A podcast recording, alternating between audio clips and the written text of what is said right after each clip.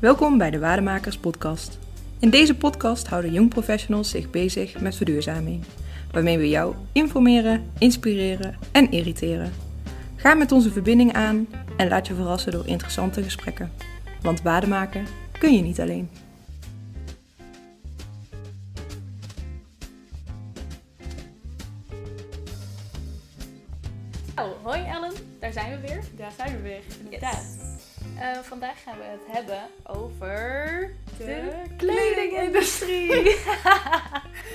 Gezellig.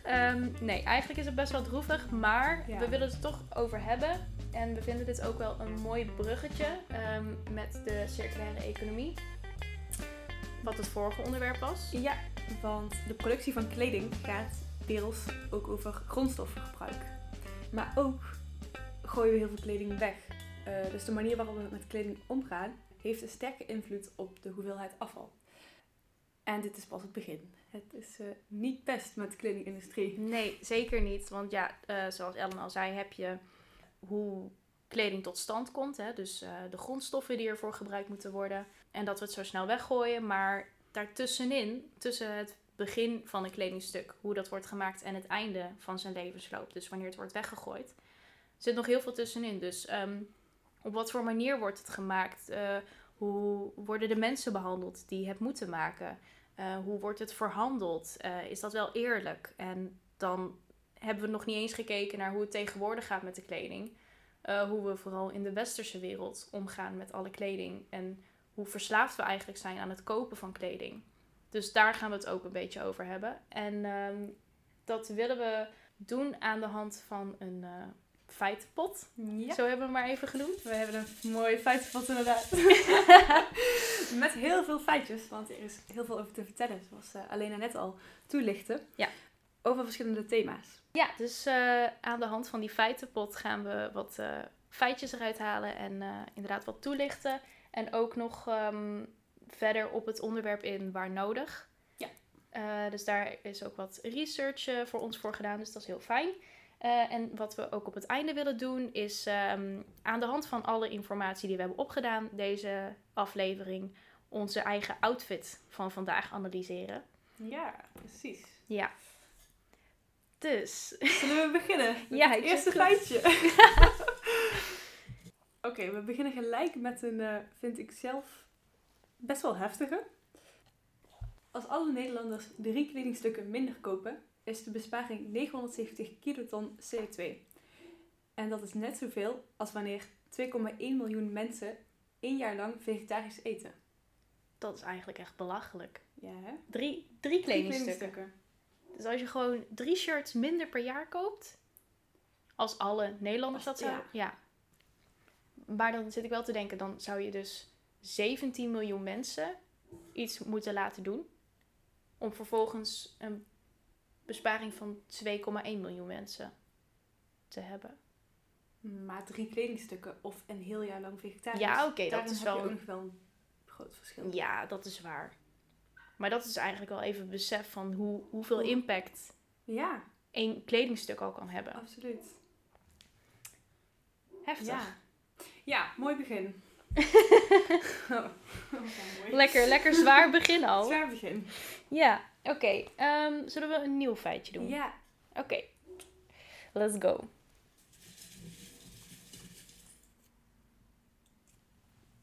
Oké, nou, eh, nog een hele zware.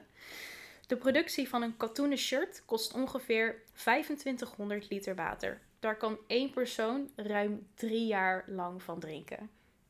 ja, ik heb hem al gelezen, maar ik ben gewoon alweer in shock. Drie jaar water Van- één spijkerbroek. Nee, van een shirt! Oh, sorry, een shirt, ja. Oh, moet je Vijf- nagaan hoeveel spijkerbroek dan wel niet zal zijn?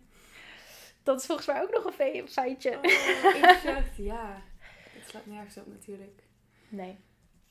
En dat is het lastige van katoen. Tenminste, ik heb bij katoen, 100% katoen, toch altijd een beetje van zijn associaties dat het wel goed zal zijn. Natuurlijk, biologisch. Ja.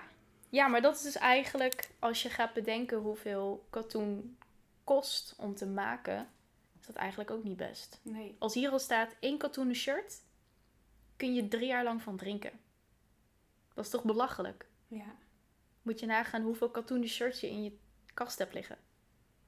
Meer dan één. ja. ja. Oh, shit. Oké.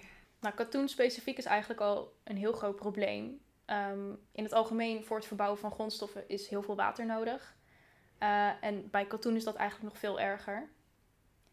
Nou ja, wat eigenlijk ook heel opvallend daarin is, is dat voor het verbouwen van grondstoffen is heel veel water nodig, maar daardoor komt er een tekort aan water, waardoor er waterschaarste ontstaat.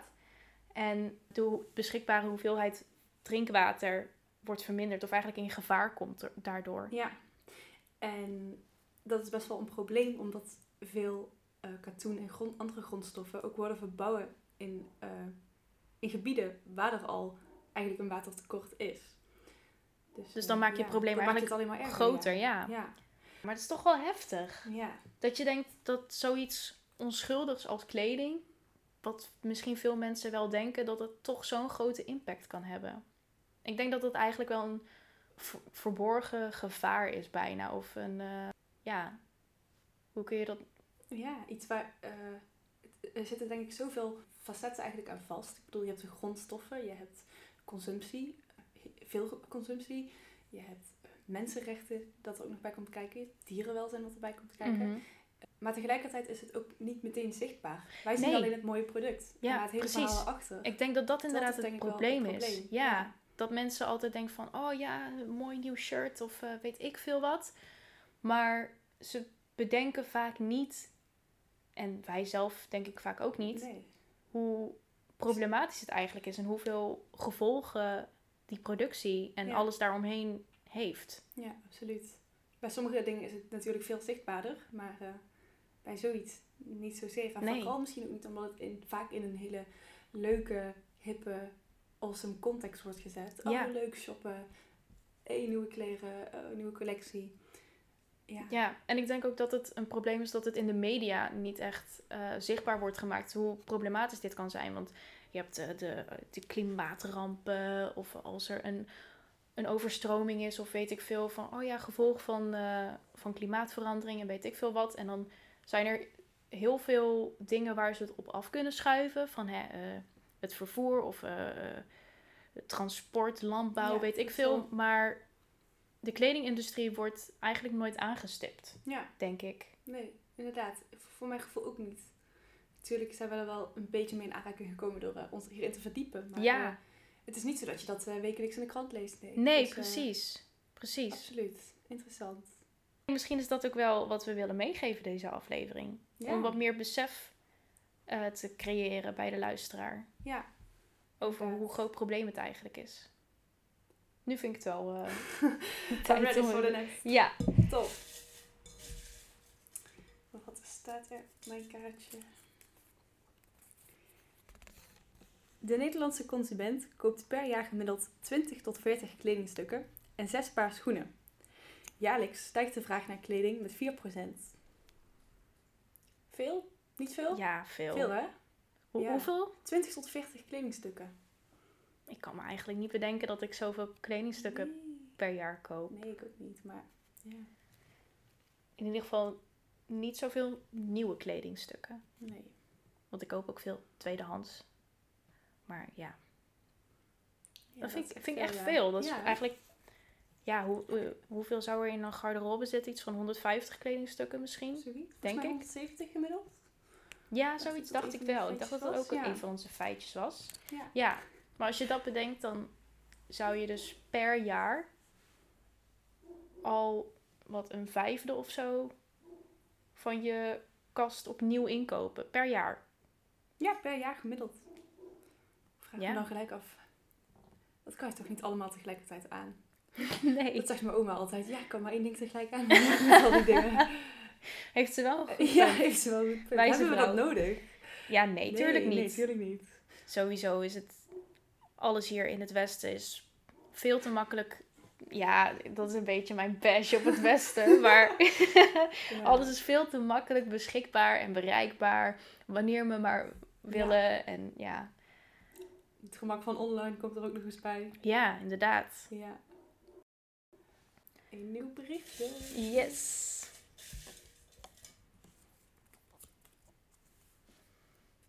Oké. Vlies heeft de meest schadelijke milieu-impact met betrekking tot de plastic soep. Oeh. Dat is een beetje jammer. Ja. Vooral nu het winter is. Denk En- aan En ja, precies. En vlies is nu ook weer helemaal in qua truien en zo. Ja. Dat is ook een beetje jammer. Ja. Ja. Nu ben ik eigenlijk wel benieuwd wat de, wat de impact is van alle soorten stoffen. Snap je wat ik bedoel? Mhm.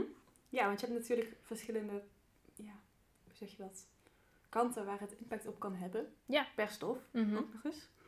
Dus het is niet echt een heel erg zwart-wit verhaal. Nee. Maar...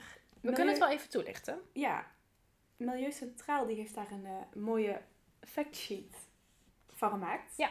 Ja, ze, leggen, ze hebben eigenlijk op een overzichtelijke manier uitgelegd hoe het werkt. Of wat, welke stof wat voor impact heeft en in hoeveel mate. Ehm, dan kunnen we denk ik het beste eerst de categorieën uitleggen van Ja. waar het impact op kan hebben. Dus we hebben onderscheid gemaakt in klimaat, landgebruik, waterstress, gebruik van grondstoffen, ecotoxiciteit en of het ehm, invloed heeft op de plastic soep.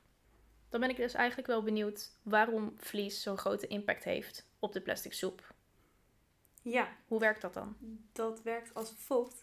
Ehm, vlies is een synthetische stof en bij het wassen van synthetische kleding komen veel microplastics vrij.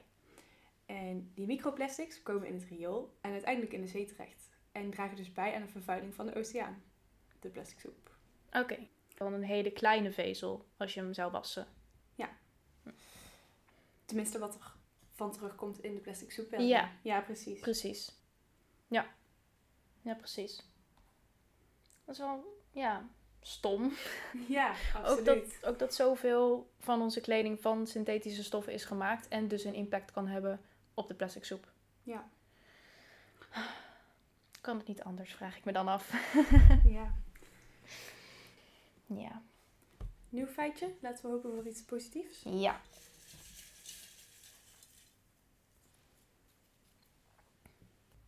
Nee, dit is ook heel verdrietig helaas. Oh, maar dit gaat, eh, ja, dit gaat dit keer over wol. Wol is de textielsoort die het meeste landgebruik vereist in zowel grootte als intensiteit. Hmm, En dit is eigenlijk, ja. dit is eigenlijk wel heel verbazend, want dan denk je, wol, dat komt uit de natuur, dus dat zal wel goed Ja, zijn. Daar hoeven geen dieren voor gedood te worden of wat dan ook. Maar Beetje hetzelfde verhaal als katoen. Ja, natuurlijk product. Ja, precies. Maar het is dus eigenlijk heel slecht. Ja, en dat komt omdat er veel grond nodig is om de schapen rond te laten grazen. En eh, intensieve veeteelt is heel schadelijk voor de grond. Ja, en dat komt ook doordat, nou ja, schaapjes zijn ook dieren die scheetjes laten. En eh, daar komt heel veel methaangas bij vrij. En eh, dat is net als bij koeien. Methaangas is heel slecht voor de ozonlaag. Zeg ik dat goed? Methaangas is in ieder geval een veel schadelijker gas dan CO2. Ehm, dus dat heeft natuurlijk ook veel impact eh, op het milieu. Ja. Om er toch nog even een positieve twist aan te geven. Als we het hebben over landgebruik eh, en intensieve ja, veeteelt, eh, landbouwgrond. We hadden het zojuist over de plastic soep. Waar dus die synthetische vezels een slechte impact op hebben. Als je dan kijkt naar het landgebruik, dan zijn het wel de synthetische stoffen die op dat gebied wel een beetje hoop bieden. Eh, zo is acryl de textielsoort die het minste landgebruik vereist. En dat komt omdat acryl, net als andere synthetische stoffen, in een fabriek wordt gemaakt. Ja. Dus dan heb je eigenlijk alleen maar de, fabriek nodig. Voor de fabriek. Dus dat, dat geeft nog wel een, eh, een Ja. keerzijde van Precies. de hoeveelheid aan synthetische stoffen die we hebben. Omdat er gewoon veel minder grondgebruik in veel gevallen voor nodig is. Dus dat is wel fijn. Ja. Dus het is niet allemaal doom en gloom. Eh, nieuw feitje? Nieuw feitje. Oké.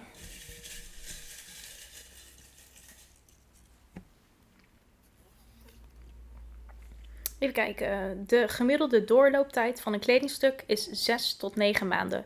De gemiddelde doorlooptijd van fast fashion kledingstuk is 6 tot 8 weken. Dus het houdt Hmm. eigenlijk in, de doorlooptijd Ja. is de tijd dat een kledingstuk van de tekentafel tot in de winkel hangt. En Eh, traditioneel gezien is dat dus 6 tot 9 maanden. En bij fast fashion 6 tot 8 weken. Zo, dat is een uh, behoorlijk verschil. Ja, inderdaad. En daar kan ik ook wel wat toelichting op Ja. geven. Dat lijkt me wel uh, nuttig. Nou, misschien is het dan wel leuk om even de geschiedenis van de kleding te geven. Ja, goed idee. Even de geschiedenis induiken. Precies. Hoe begon het allemaal? Ja, nou, dus in de 18e, 19e en begin van de 20e eeuw was de industriële revolutie. En daar was het zo dat de productie van kleding uh, voor het eerst plaats, plaatsvond um, in een machine. En daardoor werd kleding maken een stuk eenvoudiger. Hm. Toen tussen 1950 en 2000 was er een groeiende welvaart. De oorlogen waren voorbij. Mensen konden weer leuke dingen doen, kregen meer tijd om leuke dingen te doen. Uh, en kleding werd daardoor ook bereikbaarder voor de werkende middelklasse. Um, en kleding werd dus minder als een luxe goed gezien en meer als een iets gewoons. Ja. Daarnaast werd de productie van kleding ook verplaatst naar lage loonlanden, uh, met name in Azië. Uh, ook komen steeds meer misstanden aan het licht daarbij, uh, zoals kinderarbeid, lage lonen, dus de sweatshops, en geen naleving van de dierenrechten. En toen in 2000 tot het heden kwam Zara als eerste met het concept van fast fashion, om maar even, om maar even namen te noemen. Uh, door de opkomst van het internet kon de modeketen uh, zeer accurate voorspellingen doen over de trends in de kledingindustrie en richtte haar winkels zo in dat er een snellere doorlooptijd kwam. Door efficiënte bedrijfsprocessen kon er veel sneller nieuwe kleding worden geproduceerd die voldeden aan de nieuwste trends. En dat is dus eigenlijk het heden. Het begin van het einde. Wat dramatisch. Ja, een beetje wel, maar um, ja. Het wordt er ook nog niet echt beter op. Tenminste, volgens mij is het wel zo dat er ook steeds meer mensen zich wel proberen, uh, of zich bezighouden in ieder geval, met hoe wordt kleding geproduceerd. Niet iedereen nog, maar uh, ja, die mensen en producenten zijn er ook zeker wel. Maar ja, feit is wel dat er uh, nog steeds heel veel modeketens zijn met macht die op een fast fashion manier werken.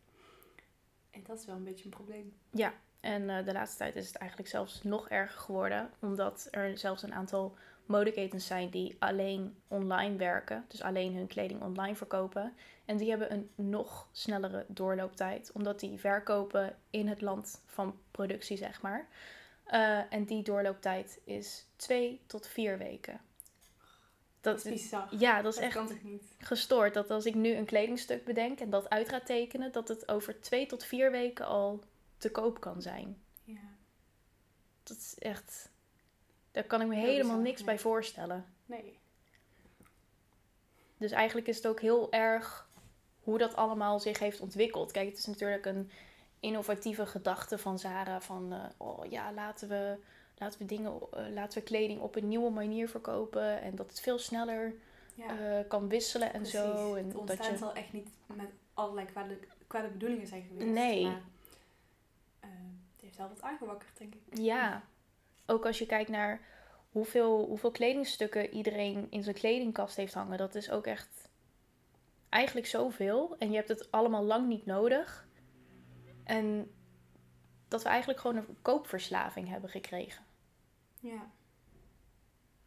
Of tenminste, niet iedereen zal een koopverslaving hebben, maar het is in ieder geval wel heel erg genormaliseerd. ja, het is makkelijk om Ja. een verslaving te hebben. Eh, nee, inderdaad. Ik- er is geen taboe. Het is, het is leuk om te shoppen. We houden van de sale. We Ja, houden van Black precies. Friday. Precies, iedereen vindt het leuk en het is goed. En eh, je wordt gecomplimenteerd als je iets nieuws hebt Ja. gekocht en dat aantrekt en weet ik veel wat. Maar ik heb ook wel de laatste tijd wel het besef gekregen van oké, eigenlijk is dat helemaal niet oké. Ook mede door het onderzoek eh, naar deze aflevering, zeg maar, naar dit onderwerp. En het is dan eigenlijk ook. Dan is het een taboe om tegen iemand te zeggen van hé, hey, was het wel nodig om dat te kopen? Ja. Dus eigenlijk word je dan als, tenminste ik heb dat wel eens gehad, dan word je een beetje als de bad guy neergezet. Wanneer je iemand misschien niet op zijn plek wil zetten, maar wel wil aangeven van, Gewoon wil attenderen eigenlijk op Ja. eh, impact van van, van spullen die wij hebben. Ja, precies. En dat het niet nodig is. Ja. Ja. Ja, en dat vind ik wel grappig dat je dat eh, zo benoemt. Ik bedoel, er is wel eens een vriendin die heel blij eh, iets heeft besteld. En dan gelijk maar in verschillende kleuren of verschillende maten. Want ja, hè, lekker makkelijk. Je kan zelfs gratis eh, terugsturen als het niet past. Of als het toch niet helemaal naar wens is. Ja, het lijkt gratis, maar ik vraag me dan wel af, ja... Wie betaalt die kosten? Het kan nooit gratis zijn. Ja, we eigenlijk wel een hele aflevering kunnen maken over hoe verkeerd het hele consumptiesysteem van kleding eigenlijk is. En Ja. met, de, met de retourneringen inderdaad. eh, grote bedrijven die dat gewoon toelaten en het gratis laten zijn. Maar terwijl in realiteit als je kleding terugstuurt, wordt heel veel ervan niet meer verkocht. Omdat het niet meer te verkopen valt. Omdat het niet meer in de originele verpakking eh, te krijgen is. Of om wat, dan, wat voor reden dan ook misschien zelfs wordt verbrand. En dat is Ja. Echt verschrikkelijk als je daarover nadenkt. Maar nogmaals, daar kunnen we een hele aflevering over maken. Dus daar zullen we niet te veel op ingaan. Maar ik vind dat ook wel een hele herkenbare situatie. Ehm, nou, we hebben al wat feitjes besproken. Maar om nog even wat meer eh, vaart erin te zetten, eh, gaan we nu even snel door de laatste paar belangrijkste feitjes. Denk ik. Yes. Ja? Alena. Door onze kleding te wassen komt er jaarlijks 500.000 ton en microvezels in de oceanen terecht. Dat is het equivalent van 50 miljard plastic flesjes.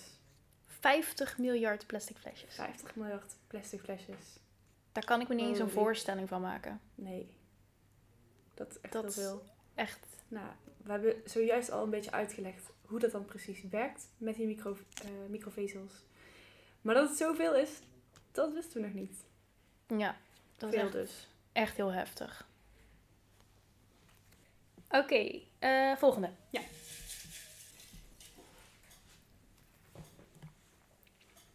Oeh, dit is een heftig feitje. Oh oh. De kledingindustrie is verantwoordelijk voor 10% van de wereldwijde emissies. Dat is nog meer dan de gezamenlijke uitstoot van vliegtuigen en schepen. Zo. Dus denk er, voordat je gaat nadenken of je dit jaar het vliegtuig pakt met vakantie, als je ooit weer op vakantie gaat. Maar denk er eerst even over na of je een nieuw kledingstuk gaat kopen. Ja, Dat is echt inderdaad. heftig. Ja, dat is ook iets waar, tenminste waarvan ik denk dat er niet heel veel mensen van op de hoogte zijn. Het is zo'n onzichtbaar probleem. Ja, precies. Ja. Ja, wat we eerder al zeiden, hè, het, het komt niet vaak in de media. En eh, omdat het uit zoveel facetten bestaat, is er niet echt één groot probleem. Maar er nee. zijn meerdere verscheidene. Alle dingen samen maken Ja. het wel een heel groot probleem. Zeker. Ja. Zo. Veel. Oké, volgende. Next.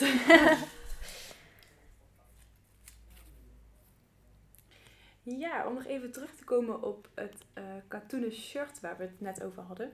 eh, waar, en de hoeveelheid water eh, dat dat kost.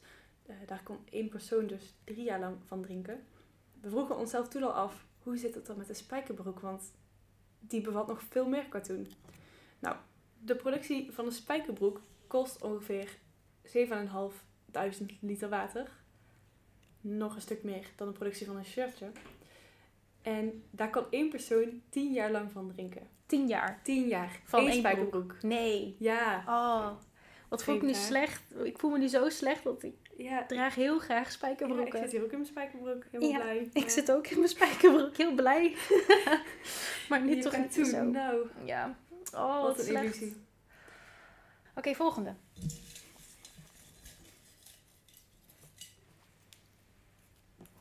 Even kijken. Oh, dit is echt... De eerste keer dat ik dit las, was ik echt een beetje aan het huilen van binnen. Hou me vast. Oké. In Servië zouden medewerkers van een kledingfabriek zijn opgedragen om een luier te dragen, zodat ze niet naar de wc hoefden. Dat is toch onvoorstelbaar? Dat is echt ja, onvoorstelbaar en onmenselijk. Dat mensen niet En- eens de ruimte krijgen om naar het toilet te kunnen. Omdat ze maar Omdat hard genoeg moeten werken. Precies. Zodat iedereen hun leuke nieuwe shirtjes elke week weer opnieuw kan kopen. Ja, precies. En dan moet je ook nog bedenken, Servië, dat, zit, dat ligt gewoon in Europa. Oh, En soms zie je van die labels in kleding van Made in Europe of made, waar dan Waar ook. Ja.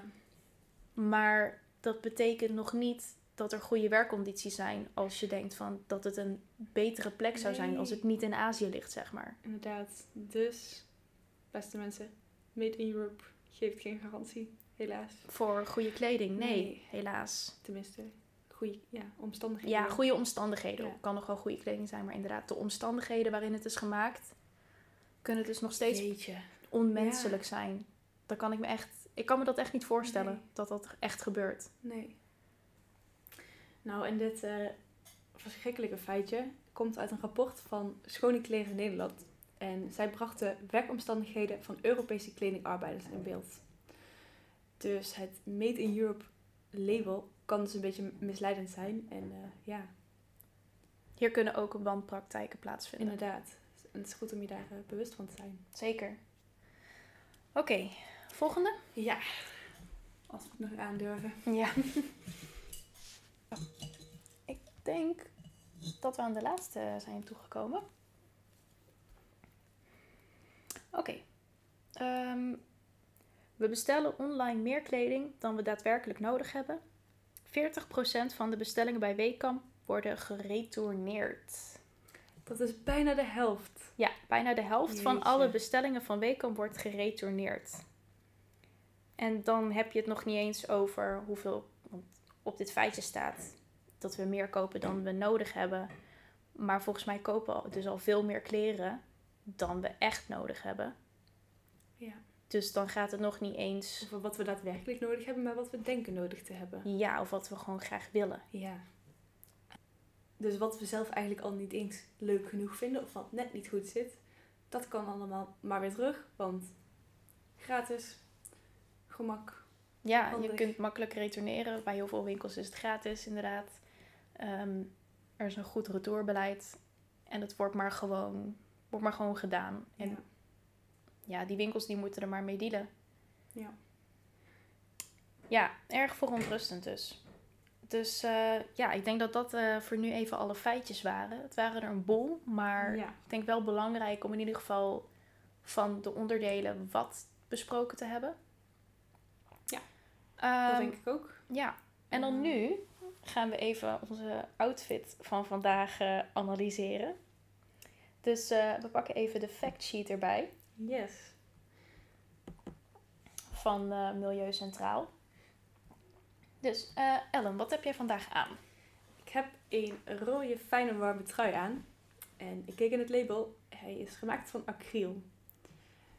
Ja. Plastic soep. Shit.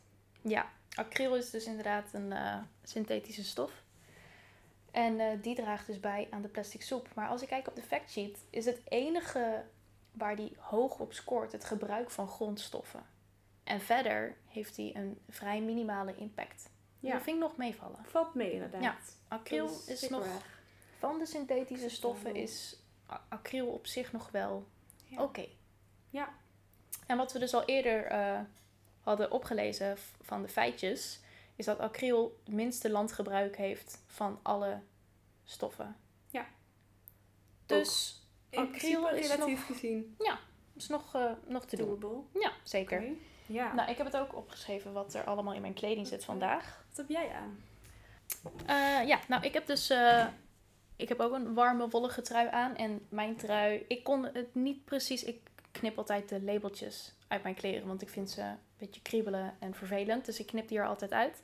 Maar ik heb een eh, vergelijkbare trui op internet gevonden. En daarvan opgezocht wat, eh, wat erin zat.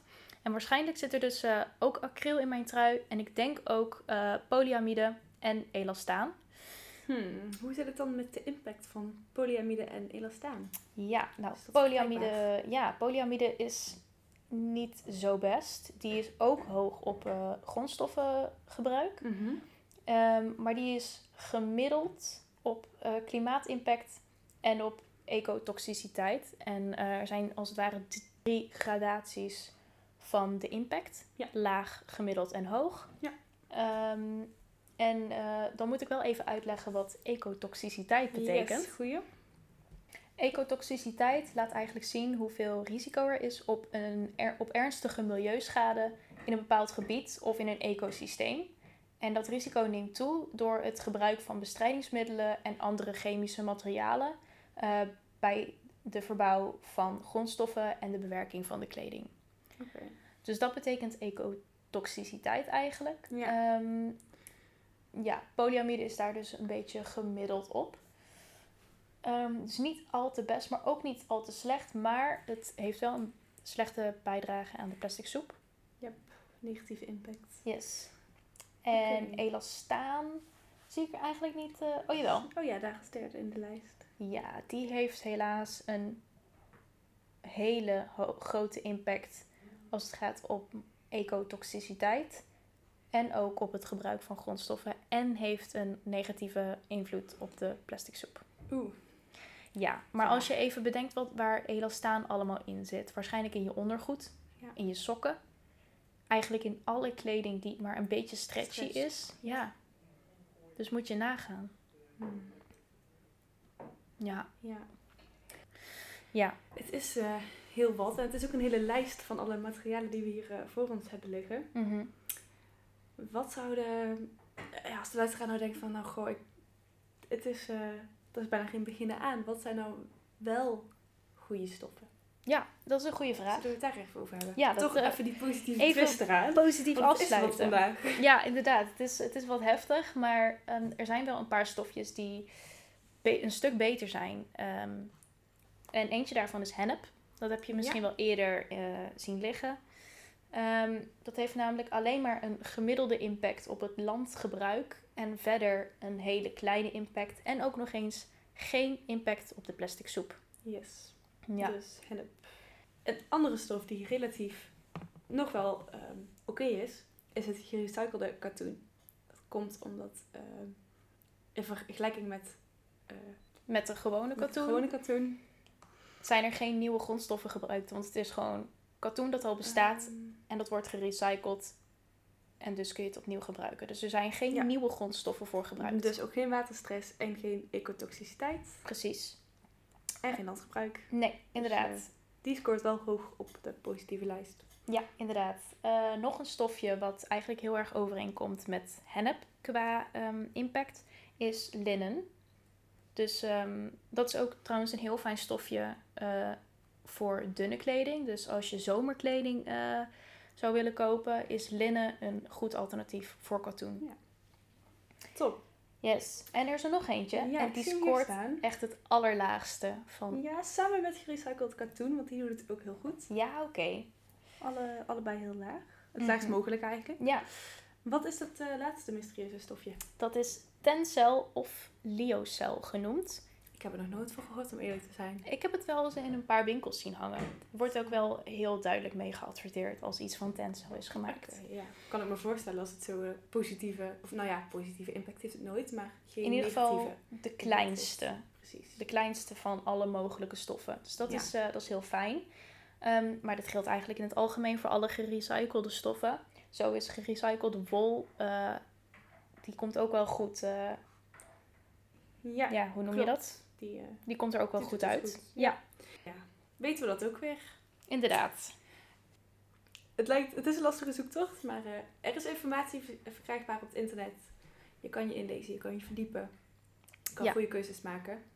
Zeker. En we zullen ook nog wel wat linkjes in de show notes achterlaten om dat je zelf nog verder op zoektocht kan Yes. gaan. En we beloven dat we volgende afleveringen toch een iets positievere twist eh, Ze zullen gaan hebben. Ja, inderdaad. Want eh, ja, het is niet best, maar het moet wel besproken worden. Dat denk ik ook. Dus eh, hopelijk hebben jullie hier eh, Iets aan gehad. aan gehad. Ja. Ja.